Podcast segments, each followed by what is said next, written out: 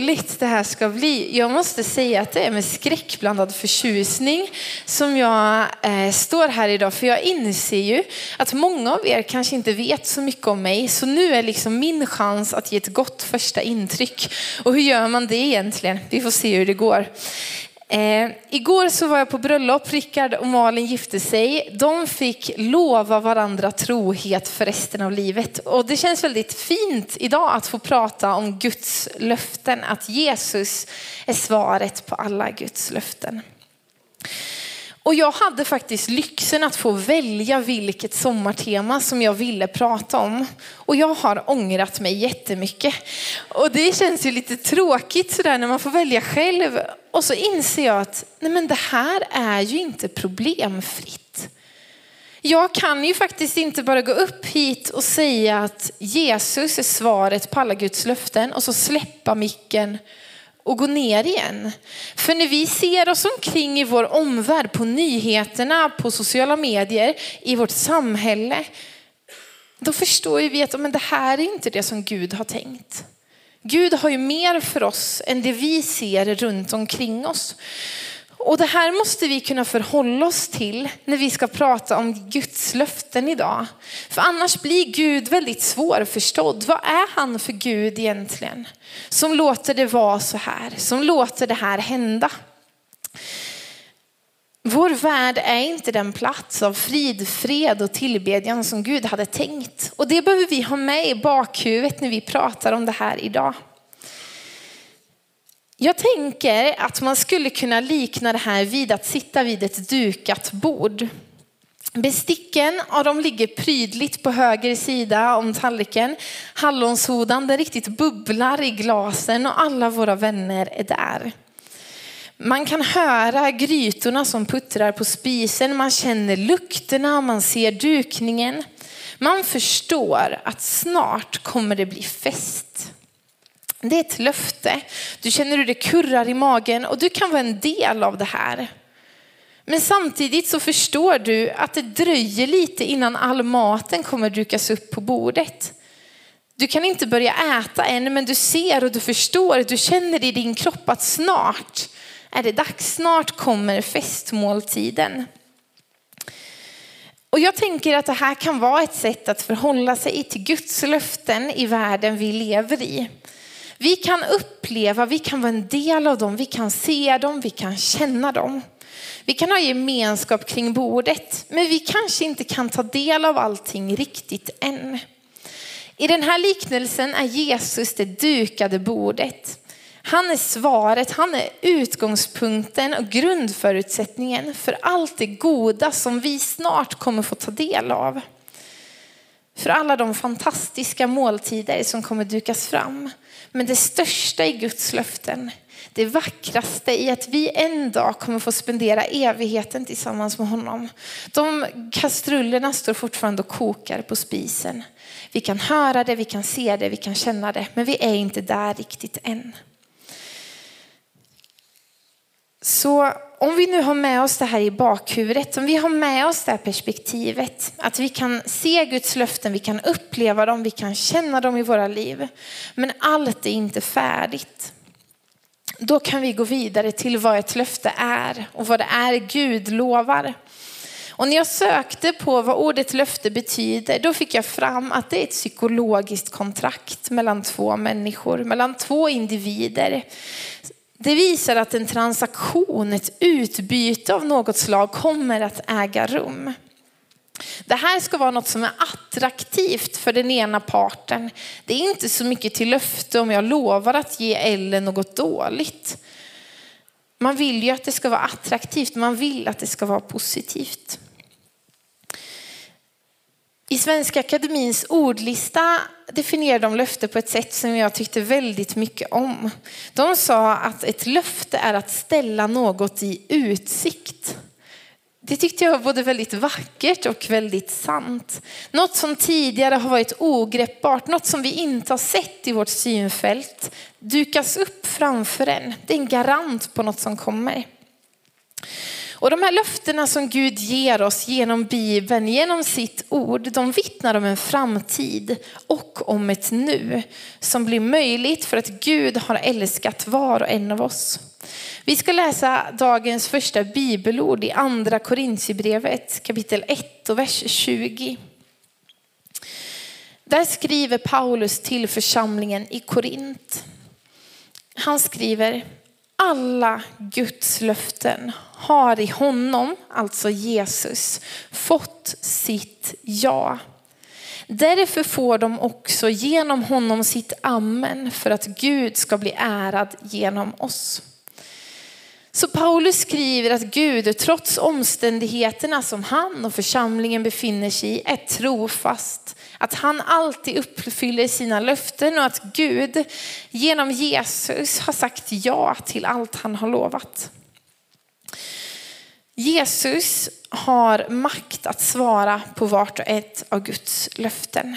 Och när Gud i gamla testamentet i det som kallas den hebreiska bibeln först uttalade löftet om en Messias, om Jesus Kristus som skulle förändra världen och människans relation med Gud, då gjordes det genom just löften och profetior. Gud lovade att Jesus han skulle födas i Betlehem. Han skulle rida in i Jerusalem på en åsna. Han skulle vara släkt med kung David, bli förrådd för 30 silvermynt och ett spjut skulle stickas i hans sida. Och sannolikheten att de här löftena och många fler skulle infrias är otroligt liten. Nu får ni hänga med. Jag är inte bra på matte, så nu får ni hjälpa mig med att tänka här. År 1958 var det en matematiker, en fysiker, som studerade Guds löften om Messias. Han kom fram till att sannolikheten, alltså chansen för att 8 av 108, det är en ganska liten del, så bra på matte är jag att jag förstår att det är lite. Chansen att det skulle infrias är en på 100 kvadriljoner. Och då undrar ni, vad är en kvadriljon? Eh, och det vet jag inte riktigt, men det är väldigt mycket i alla fall. Man kan googla, det var en väldig massa nollor. Var det.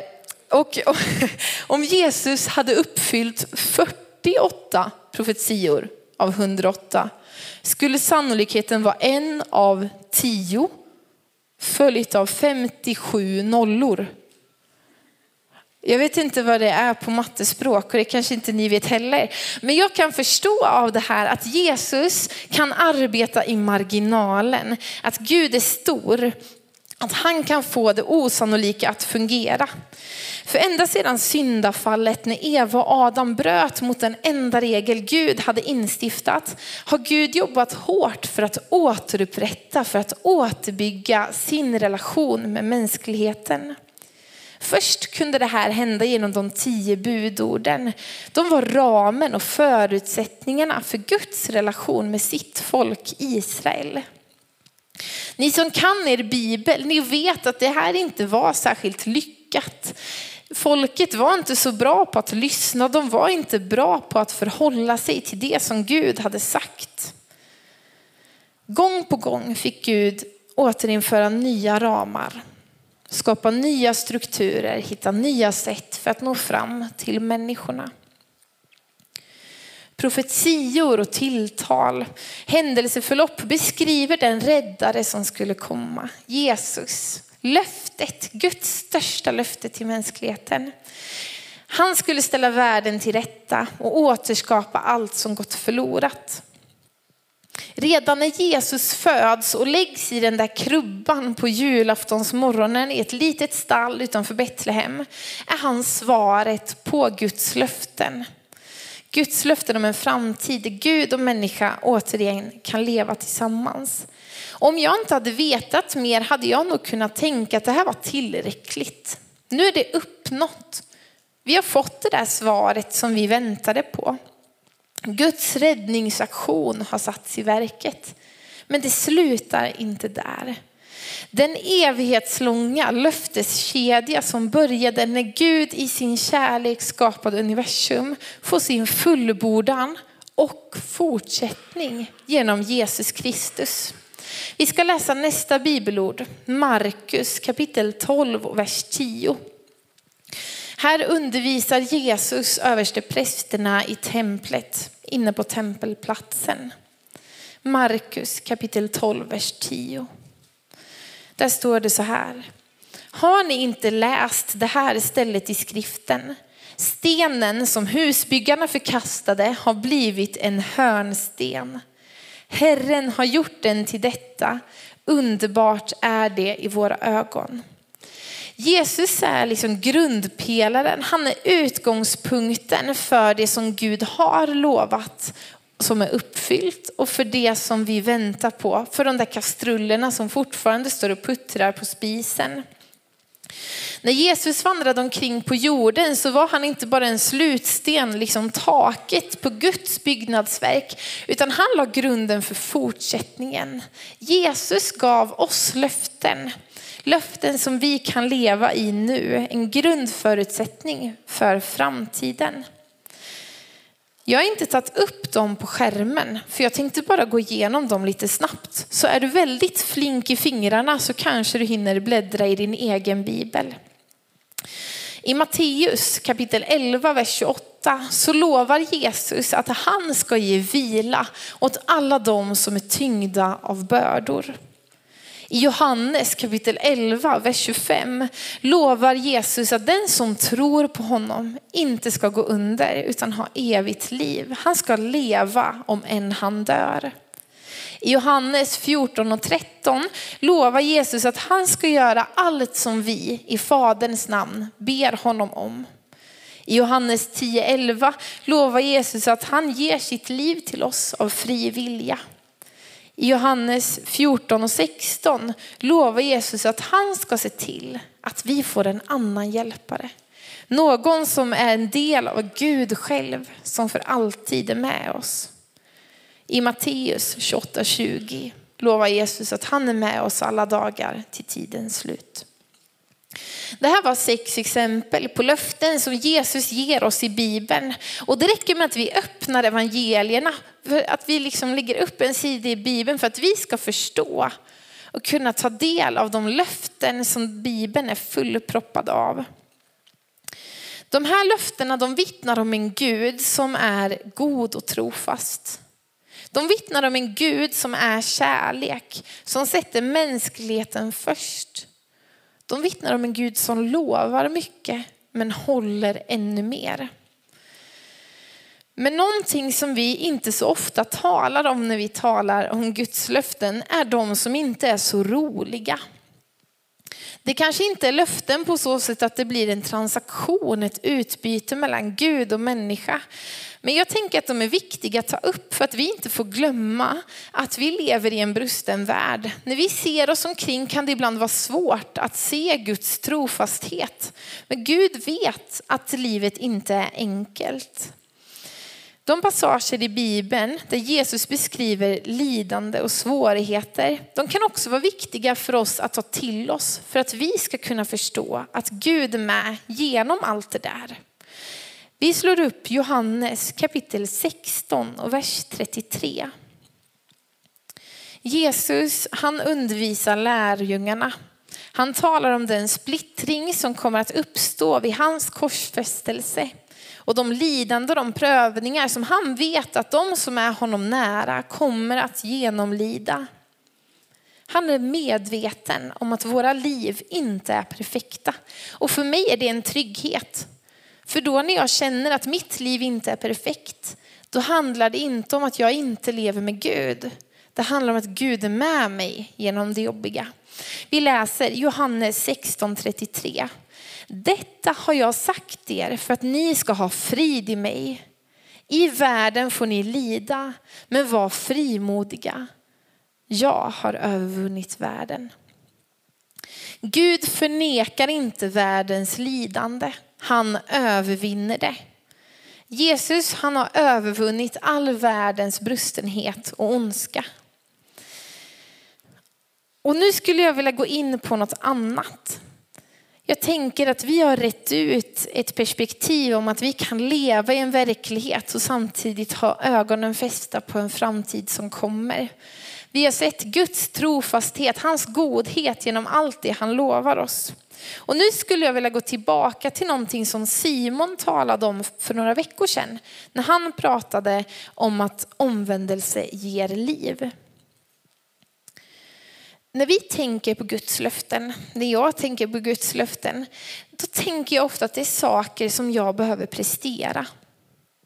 Att jag kanske kan få en del av det där som står och puttrar i köket om jag bara ber lite mer. Om jag bara vore lite bättre kristen. Om jag log lite mer, var lite trevligare, kunde ställa upp mer och orkade mera. Det är lätt hänt att vi ser förbi nåden. Att vi glömmer bort att hela grejen är att det inte handlar om vad vi gör utan om vem han är. Nåden är att Jesus tog allt straff. Att han tog det vi förtjänade och att det istället för straffet är nåden som är med oss. Och det är så lätt att diskvalificera sig själv från Guds löften och tänka att men det där, det kan ju inte gälla mig. För jag, jag är ju sån här och sån här. Det måste gälla de andra, de som är lite bättre.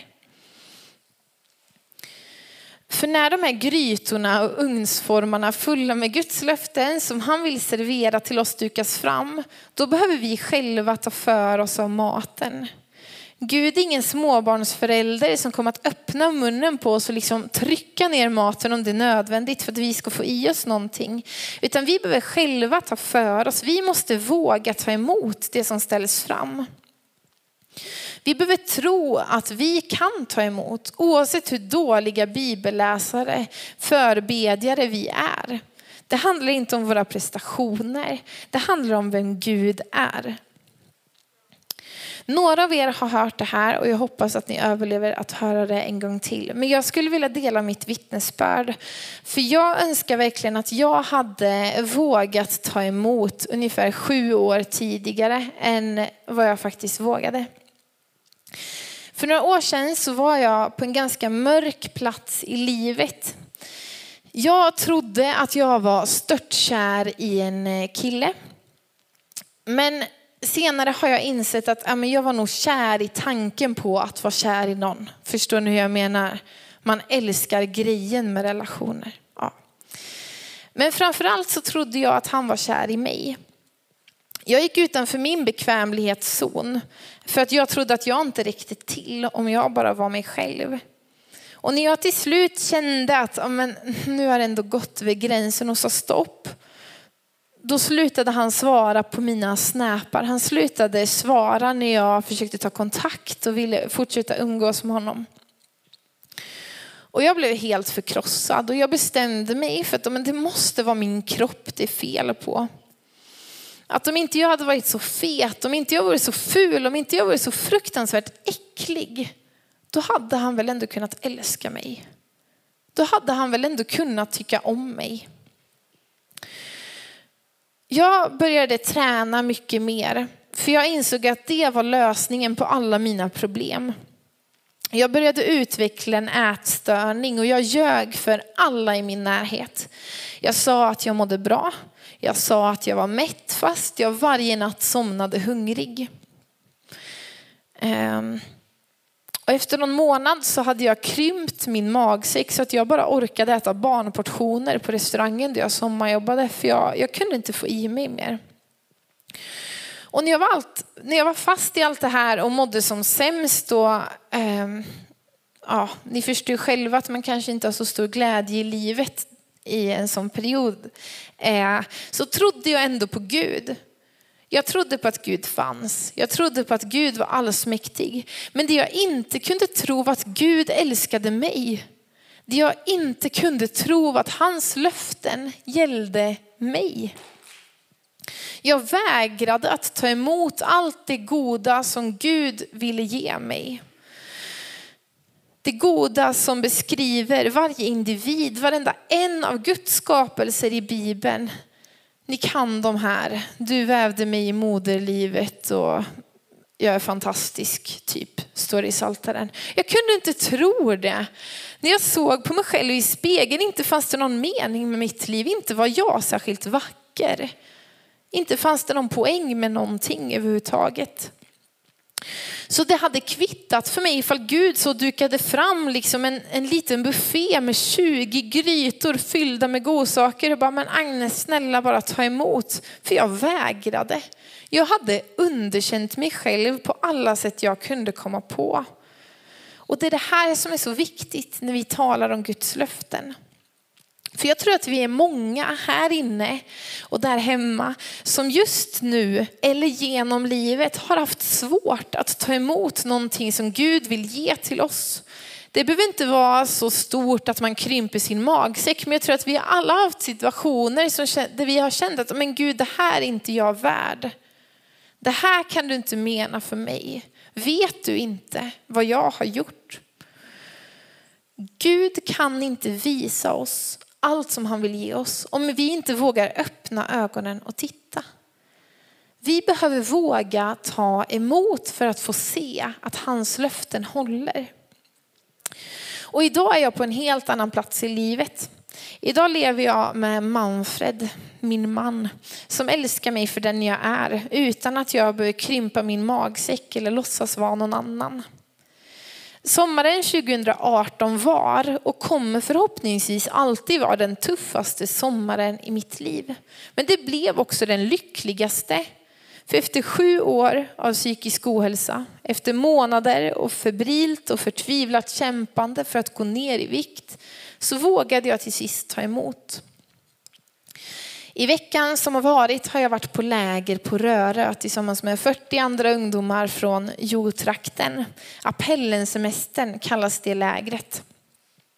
Det är en vecka för semester för medlemmarna av en ungdomskör fylld av god mat och andakter och gemenskap.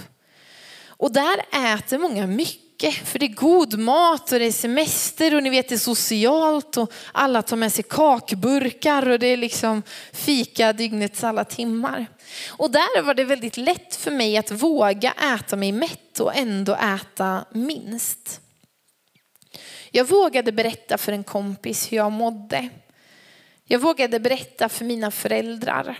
Och till sist vågade jag också berätta för Gud på Segolstorpslägret som äger rum här om några veckor, fast 2018 då, så stod jag i lovsången och grät för att jag orkade liksom inte leva mitt liv mer. Jag var så trött på att låtsas att allt var okej. Okay. Så jag grät ut till Gud och sa att Gud du måste ta över rodret för mitt liv. För jag klarar inte det här mer. Jag orkar inte leva så här mer. Jag kan inte hålla på med den här liksom, ljugandet och den här cirkusen. Jag, jag klarar inte det. Och den kvällen fick jag ta emot. För då hade jag kommit till den punkt att jag var så desperat att jag måste våga tro på att Gud kan rädda mig för jag har ingen annanstans att gå. Jag fick ta emot av allt det som under hela mitt liv bara hade stått på det där dukade bordet och väntat på att jag skulle ta för mig och börja äta. Om inte jag hade tagit emot, om jag inte hade gjort det den kvällen, om jag inte hade vågat börja äta av Guds löften, då vet jag inte vart jag hade varit idag. Jag hade i alla fall inte stått framme på estraden där alla kunde titta på mig. Där alla kunde se hur dålig jag var. Och jag säger inte att allt i livet blir lätt för att vi vågar ta emot av de löften som Gud har för oss. Och det bästa är att Jesus inte säger det heller. Han vet om att vi får kämpa, att det kommer perioder i våra liv där vi har det tufft. Men han lovar att han är med oss. Att han älskar oss. Och när vi tittar tillbaka på historien av evigheten, ända sedan skapelsen av universum, när vi läser Bibeln, då kan vi se hur Gud i varje bibelbok, i varje situation är där och välsignar och räddar. Och det om något är ett löfte som bär för framtiden. Att Gud aldrig har svikit. Mitt liv kommer aldrig bli superenkelt. Jag har fortfarande saker jag brottas med. Jag kommer nog alltid tycka att det är lite jobbigt när första sommarsolen strålar skiner och man vill ta på sig en bikini fast kan jag göra det egentligen?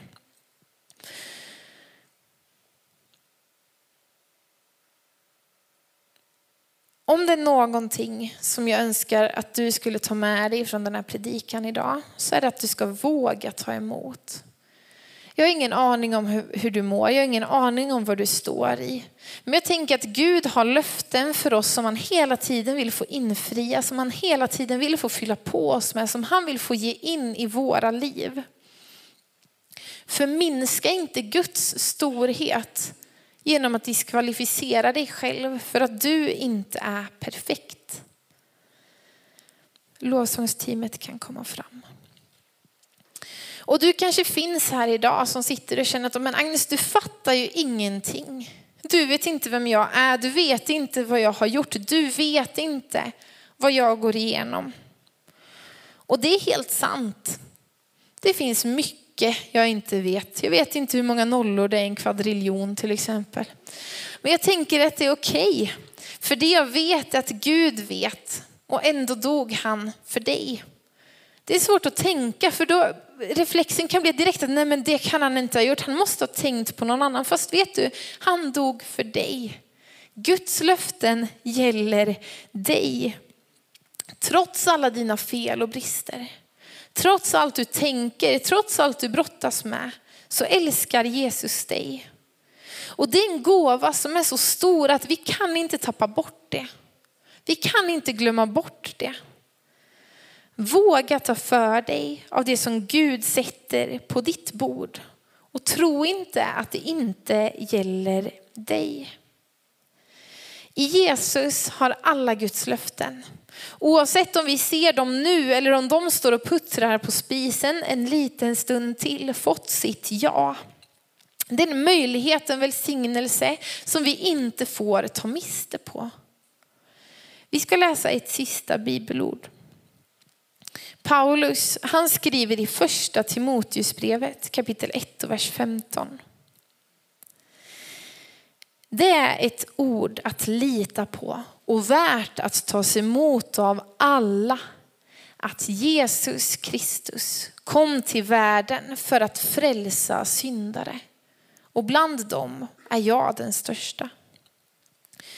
Paulus förföljde och lät döda de kristna innan han kom till tro på Jesus.